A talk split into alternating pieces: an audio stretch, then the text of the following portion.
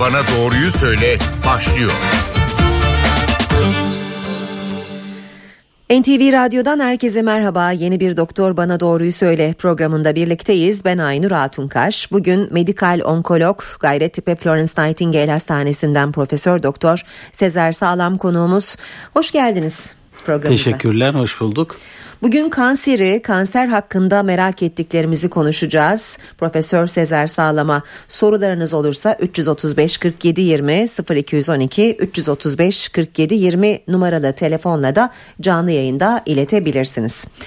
Ee, sağlık takvimine göre bu hafta antibiyotik farkındalık haftası. E, dün de önemli bir gündü. Nöroendokrin tümör farkındalık günüydü. E, bugün yani özellikle size soracağımız epey soru olacak. Önce antibiyotik e, antibiyotikle ilgili soralım. E, çok da fazla gereğinden fazla antibiyotik kullanımı konusunda uyarıların da olduğu e, son yıllarda e, bir kanser riski söz konusu olabilir mi? Antibiyotik kullanımıyla kanser riski son dönemlerde özellikle bağırsak bakterilerinin incelenmesiyle ilgili çok fazla yayın çıkıyor. Ee, immün terapilerle ilgili bağırsak bakterilerinin çalışmaları artmakta. Antibiyotiklerle bağırsak bakterilerimizin oranları bozulmakta. Bu nedenle immün tedavilere olumsuz etkileri olduğu düşünülmektedir. Hı hı. Fakat bizde altın standart olan karşılaştırmalı çalışmadır.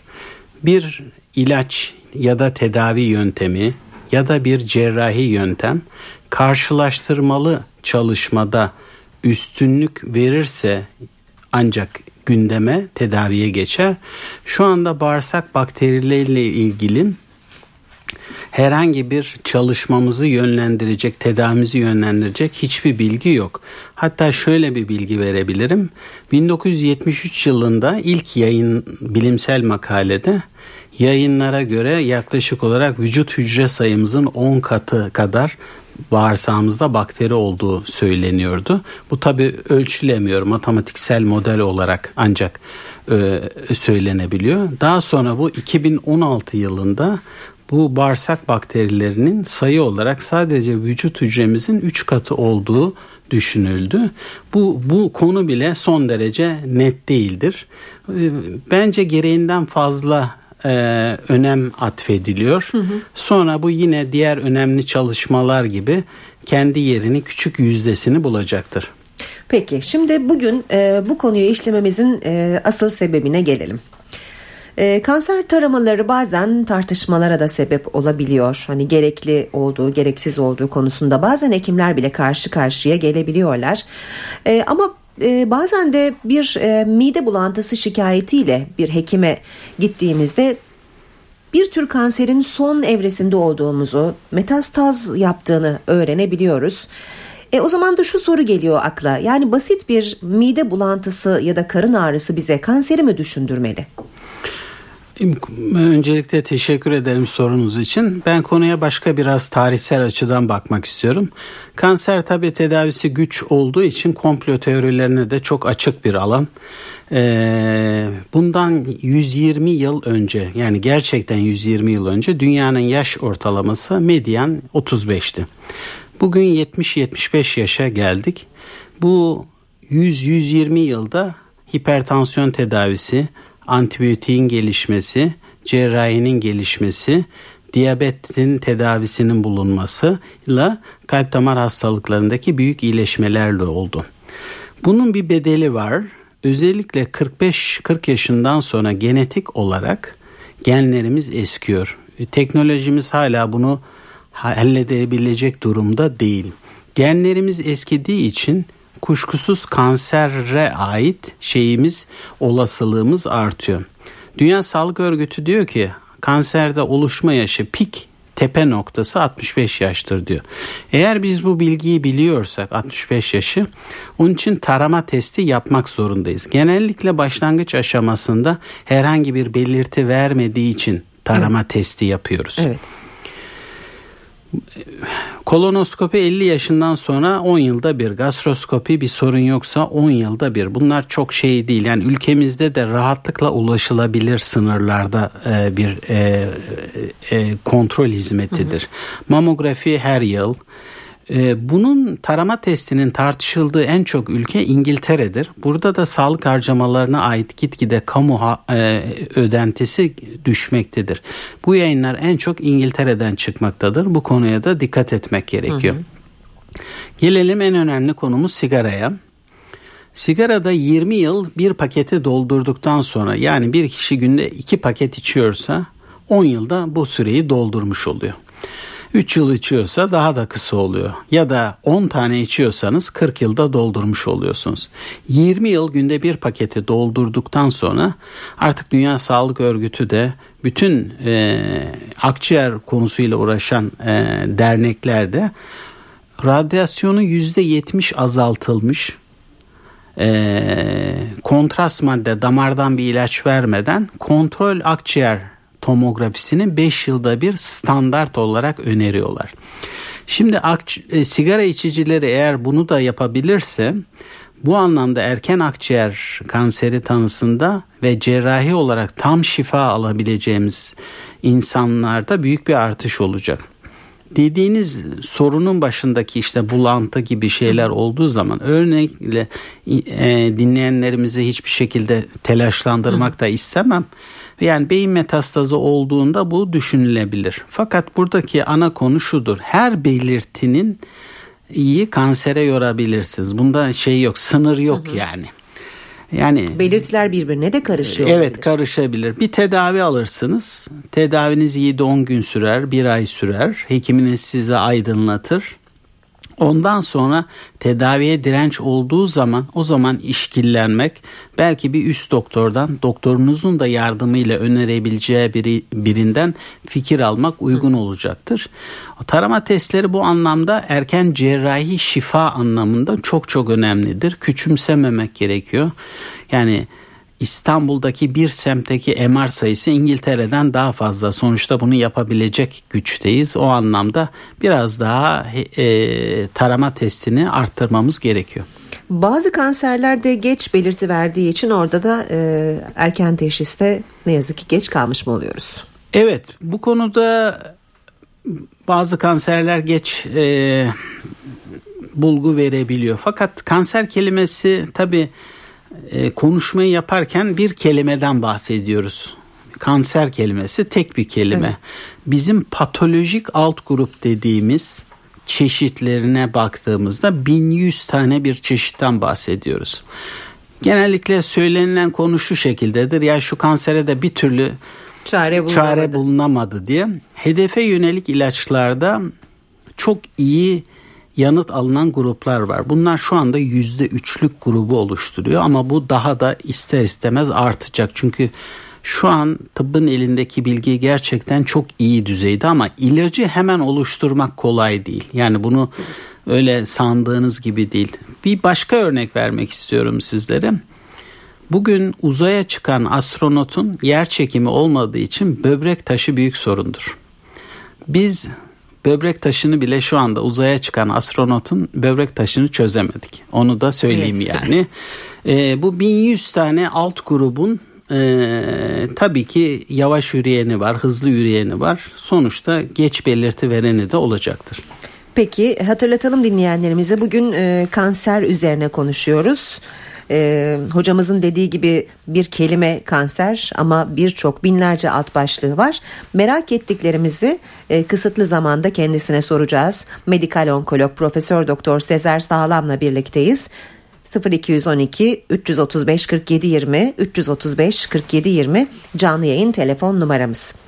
E, bir de hocam kansere genetik yatkınlık var.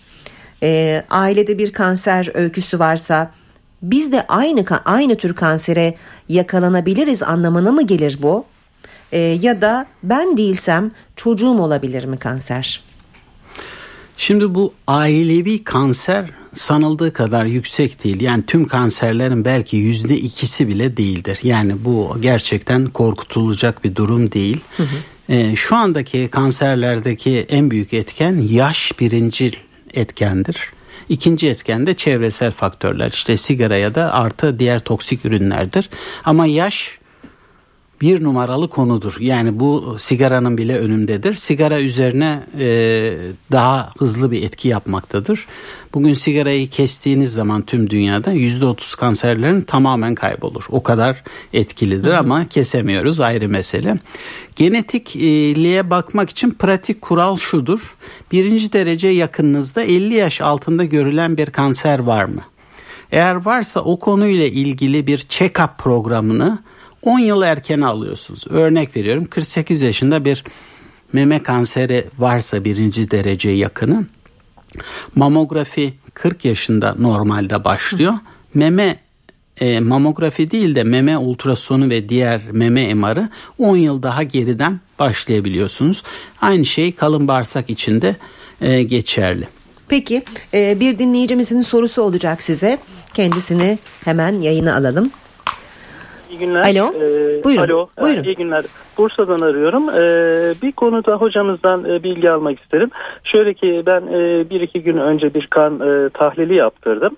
E, tahlilde bu netrofil e, sayısı yüzdesi 43 gibi çıktı. E, limitlerde 45 ile başlıyor. Bir de B12 vitamini e, şey olarak bu standartların dışında e, olduğunu gördüm. Yani biraz altında olduğunu gördüm. E, yaşımda 52 acaba bu kanser şüphesi için bir belirti olabilir mi? Hocamıza sormak isterim. Peki geçmiş olsun. Ne dersiniz Çok. hocam? Sorusu için teşekkür ediyorum. Bu vesileyle de tümör markerlarına değinme şansımız hı hı. olacak. Ee, bunlar şu anda bir kansere ait bir ön veri değil. Öncelikle onu söyleyeyim. O yaş için bazı kullandığı ilaçlarda B12 seviyesini düşürebiliyor. Sadece nötrofile bakarak bu tanıyı koymak yeterli değil. Ee, bir kanserin tanısında laboratuvar tahlilinin hemen hemen önemi sıfıra yakındır. Yani tümör markerınız 0-1 aralığında bin kat yüksek olsun. Sonuçta kanserin tanısı için biyopsi %100 zorunluluğa sahiptir. Bir tümör markerıyla kanser tanısı koymak imkansızdır. Öncelikle bunu hı hı, bu vesileyle bu söylemek istiyorum. Marker yüksekliğinin mutlaka radyolojik karşılığı olmalıdır. Bu radyolojik karşılığı yoksa marker sadece takip edilir. Bir idrar yolu enfeksiyonunda CA199 8 kat yükselebilir. Zatülcem eskilerin dediği zatülcem akciğer zarının enfeksiyonunda kolon kanserinin markeri CA e, 300 kat yükselebilir. Ee, yine bağırsak duvarı fıtığı dediğimiz divertikülitlerde tümör markerları artabilir. Özellikle karaciğer kanseri değeri olan AFP değeri bize çok soruluyor. Klasik bu dönemdeki insanlarımızda çok gördüğümüz karaciğer yağlanmasında artabilir. Bir markerımız yüksek ve bunun radyolojik karşılığı yoksa ve biyopsiniz de yoksa hiçbir şekilde tümör tanısı koyamazsınız. Ama tek başına da marker tanı koymak için hiçbir zaman yeterli değil. değildir. Hatta biz onkologlar bu konuya hiç ilgilenmeyiz ama bu tahlil istemediğimiz zaman da e, hasta bize biraz sitem edebiliyor. O biraz da e, birbirimize böyle e, söylediğimiz, verdiğimiz tavsiyelerle ilgili bir sıkıntı olsa gerek. Ben tümör markerlarıma baktırdım, iyiyim. Çok duyarız çünkü. Halbuki yanlış pozitiflik tümör markerlarının özellikle işinden çıka, işin içinden çıkamadığımız yükseklikler normal üst değerin 2-3 katıdır. O grup çok zordur. Hani izlemek haftaları alıyor. Yani siz hasta değilsiniz demek için haftaları alabiliyor. Peki 0212 335 47 20 335 47 20 canlı yayın telefon numaramız medikal onkolog profesör doktor Sezer Sağlam'la kanseri konuşuyoruz. 10 ee, Kasım nöroendokrin tümör farkındalık günüydü hocam. Ee, kısaca net deniyor sanırım bu tümörlere. Ee, biz bu tümörün adını geçen hafta çok duyduk. Çünkü e, Apple'ın CEO'su Steve Jobs da e, pankreasındaki nöroendokrin tümörü nedeniyle ölmüştü. Gerçi öldüğü dönemde biz sadece pankreas kanserinden öldüğünü duymuştuk. E, şimdi artık e, duymayan kalmadı da diyebiliriz. E, bu nasıl bir kanser, nasıl bir tümör türü? Nöroendokrin tümörler e, genel olarak çok çok yavaş üreyen tümörlerdir ve e, tedavilerinde kemoterapi ihtiyacı çok az olan tümörlerdir. Bu tümörlerde hormon tedavisi dediğimiz kalçadan ya da karından iğne ile aylık enjeksiyonla kişi herhangi bir fiziksel görünümü değişmeden günlük hayatına devam edebilmektedir. Ee, son yıllarda çok arttığı söyleniyor. Bu artma patolojideki sınıflamadan kaynaklanıyor. 1990'lı yılların sonunda 2000'li yılların başında bunun tanısı için gerekli boyalar anca oturdu ve 2000 yılından sonra bunun tanılarında artmaya başlandı. Aslında o hastalar vardı zaten. Hı hı. İsimleri değişmiş oldu. Bir hastam vardı 1987 yılında İstanbul'da bir kamu üniversitesinde e, tanı koyulamamış. Fransa'ya gitmiş biyopsisi. Orada da tanı konulamamış. Hasta bana 2009 yılında geldi. 1987 2009 karaciğerinde tamamı metastazdı. Biz 2009 yılında tabi tanıyı hemen e, bir gün içerisinde koyduk. Tedavisine de başladık. Yani bu kadar yavaş yürüyen bir tümör Yıllardır grubu var. Yıllardır yaşamaya devam ediyor. Yaşamaya aslında. devam ediyor. Bu grup e, Steve Jobs'la ilgili olan kısmı ise şu açıdan önemli. Pankreas nöroendokrin tümörleri e, cerrahi ile tam şifa olacak bir e, hı hı. E, hastalık grubu.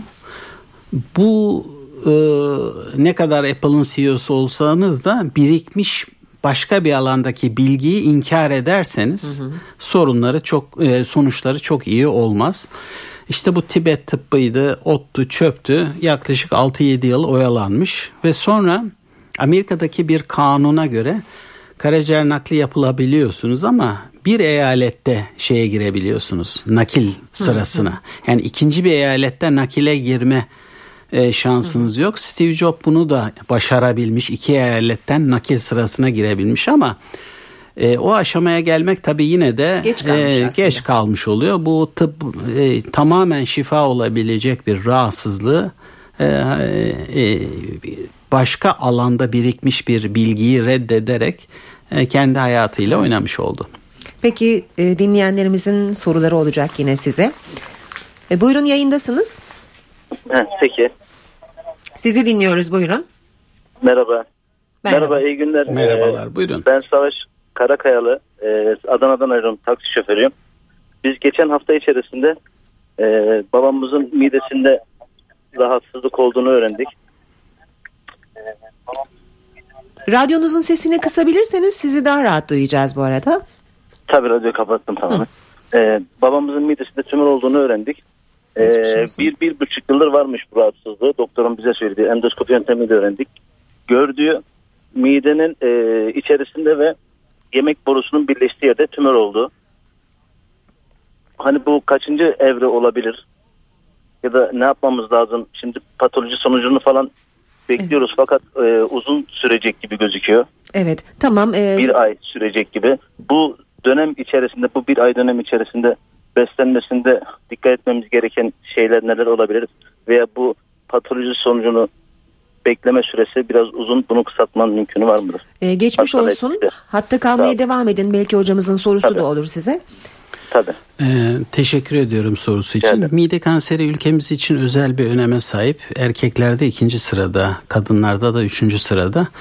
Ee, biyopsi süresi e, tüm hastanelerde ne yazık ki çok uzamış durumda. Altyapı eksikliği ve çok ayrılan olduğu için 4 hafta gerçekten uzun bir süre.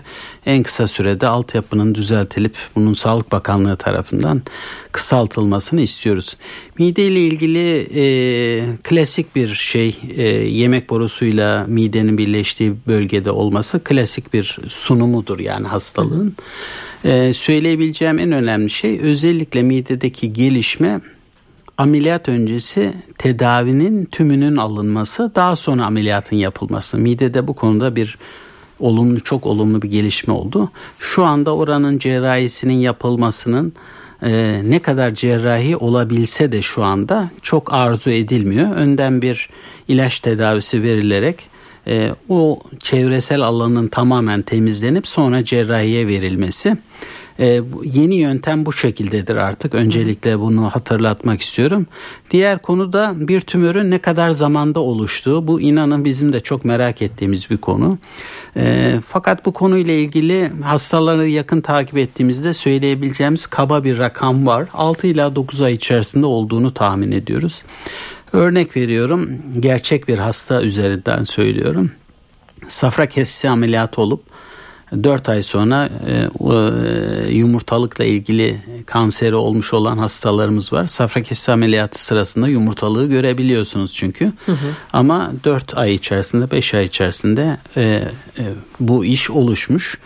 E, hasta yakını kuşkusuz şeyi merak ediyor hastalığının evresini. Evet. Fakat bunun için e, MR tomografi yapmak gerekiyor. Bu vesileyle şunu da söylemek istiyorum. Genellikle sindirim sistemi rahatsızlıklarında PET-CT çok avantajlı değildir. Bu her şeye çözüm gibi bahsedilir. Bu konuda PET-CT biraz daha düşük e, çözünürlüğe sahiptir. Bu hastada yine hekimi değerlendirecektir ama ameliyat öncesi tedavi koşullarını bir medikal onkologla tartışacaklarını düşünüyorum. Ee, çok teşekkür ederiz katılımınız için tekrar geçmiş olsun. Ee, bir başka dinleyicimizle daha konuşacağız. Ee, yayındasınız buyurun sizi dinliyoruz. Yine radyonuzu kısmanızı rica edeceğim. Alo. Ha, buyurun. Ha, adım Mahmut Akbaş Antalya'dan arıyorum. Hocama e, bu e, yayınlanmakta olan programla ilgili bir şeyler soracak. Sizi dinliyoruz ama lütfen radyonuzu kısar mısınız? Daha rahat iletişim kurabiliriz. Tabii tabii. tabii. Yayındasınız. Yayındayım. Evet. evet. Kıstım radyoyu. Sorunuzu alalım. Mide kanseriyle ilgili ya da e, mide kanserinden öteye genetik yapıyla ilgili hocamızdan bir e, bilgi edinmek istiyordum. E, bu, bu programınızı izliyorum ilgiyle. Mide kanserinin genetik yapısı mı genel kanserin genetik yatkınlığını mı öğrenmek istediniz? Mide kanseriyle ilgili e, e, genetik yapıyı, ırsi olup olmadığına tamam. Peki teşekkür ederiz. Şimdi Türkiye'de mide kanserinin genetik yatkınlığı olan kısım yüzde birden az.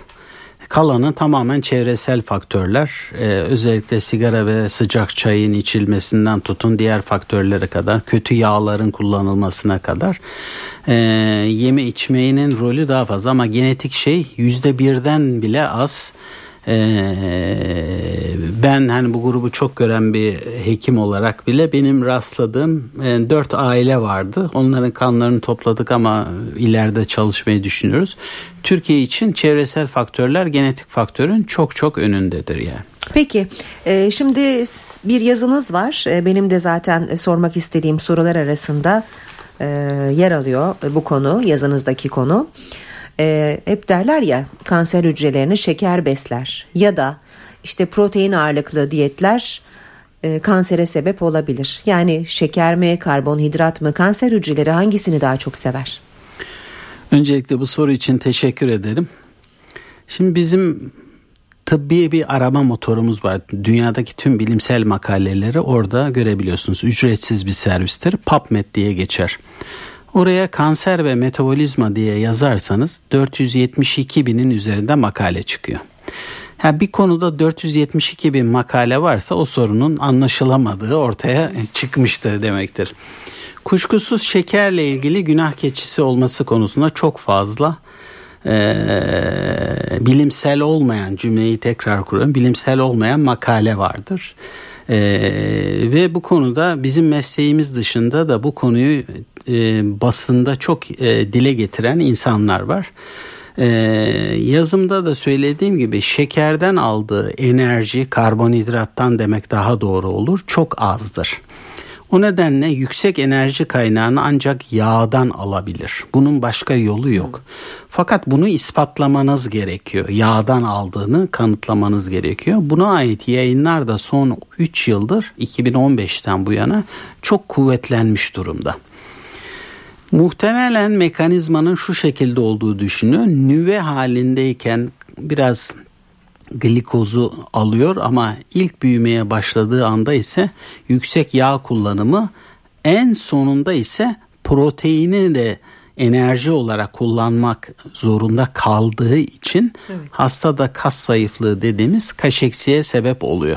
Yani bunu aşamalı olarak yapıyor ama şu konuyu da karıştırmamak gerekiyor. Şeker kanser yapar mı ayrı bir konudur. Kanser hücresi şeker tüketir mi ayrı bir konudur. E, pratik olarak glikozdan şekerden aldığı enerji o kadar azdır ki bununla büyümesi, sermayesini işletmeyi büyütmesi mümkün değildir. Bunun da yağ olma ihtimali yüksektir. Buna ait yayınlar da şu anda çok kuvvetli bir şekilde geliyor. Yani şu an baş şüpheli yağ gibi mi duruyor? Evet, şüpheli demeyelim. O büyümeye karar verdiğinde her yolu kullanıyor. O anda glikozu kullanması gerekiyorsa glikozu, yağı kullanması gerekiyorsa yağı, proteini kullanması gerekiyorsa proteini. Zaten 2017'deki bilimsel makalede şu da ispatlandı. Amino asiti büyümek için proteinin altyapısını kullanmak pankreas ve meme kanserinin bir alt türü için hemen hemen kesin gibi. Yani neyi kullanacağına o karar veriyor. Bizim de onu şu anda tanımlayabilecek bir laboratuvar metodumuz şu anda mevcut değil. Ee, öyle anlatıyorsunuz ki sanki kanser hücreleri bizden daha akıllıymış gibi. E, bu da biraz korkutucu oluyor. Şeyi şunu tekrar söylemek istiyorum. Her gün vücudumuzda 10 milyon kanser hücresi oluyor. Yanlış duymadınız. 10 milyon. Her gün hücre bazında yeni, yeni, yeni oluşuyor. Vücut bir şekilde bunu tanıyıp sistemden eliyor. Biz buna tümör süpresör genleri diyoruz. Eğer işte sigara içerseniz başka bir şey olursa şu olursa bu olursa bu geniniz hasar görürse günlük oluşan hücreyi tanıyamaz hale geliyor. Birinin damardan kanser hücresini verdiğin zaman bakteri gibi değildir. Hemen bir yere yapışmaz metastaz yapmaz. Kana 10 milyon hücreyi verdiğinizde belki bir tanesi bile metastaz yapmaz. Hı hı. yapmaz yerleşmesi için de çok fazla genetik değişikliğe ihtiyaç vardır. Sonuçta kanser hücresi çoğalırken de aşırı miktarda telefat verir. Genini sürekli değiştirir. O organizmaya hangi gen uygunsa o sağ kalır. O da yetmez. İmmün sistem onu tanır, tanımaz. Bir sürü aşamalardan, zorluklardan geçer. O da savaş veriyor. Peki sanki bu konu yarım kaldı gibi oldu hocam ama süremiz e, bitti ne yazık ki. E, inşallah bir başka programda konuşmaya devam ederiz. Çok teşekkürler programa katıldığınız teşekkür için. Teşekkür ederim. E, bugün kanseri konuştuk. Medikal onkolog Profesör Doktor Sezer Sağlam'la birlikteydik. Yeni bir programda buluşmak üzere. Hoşçakalın.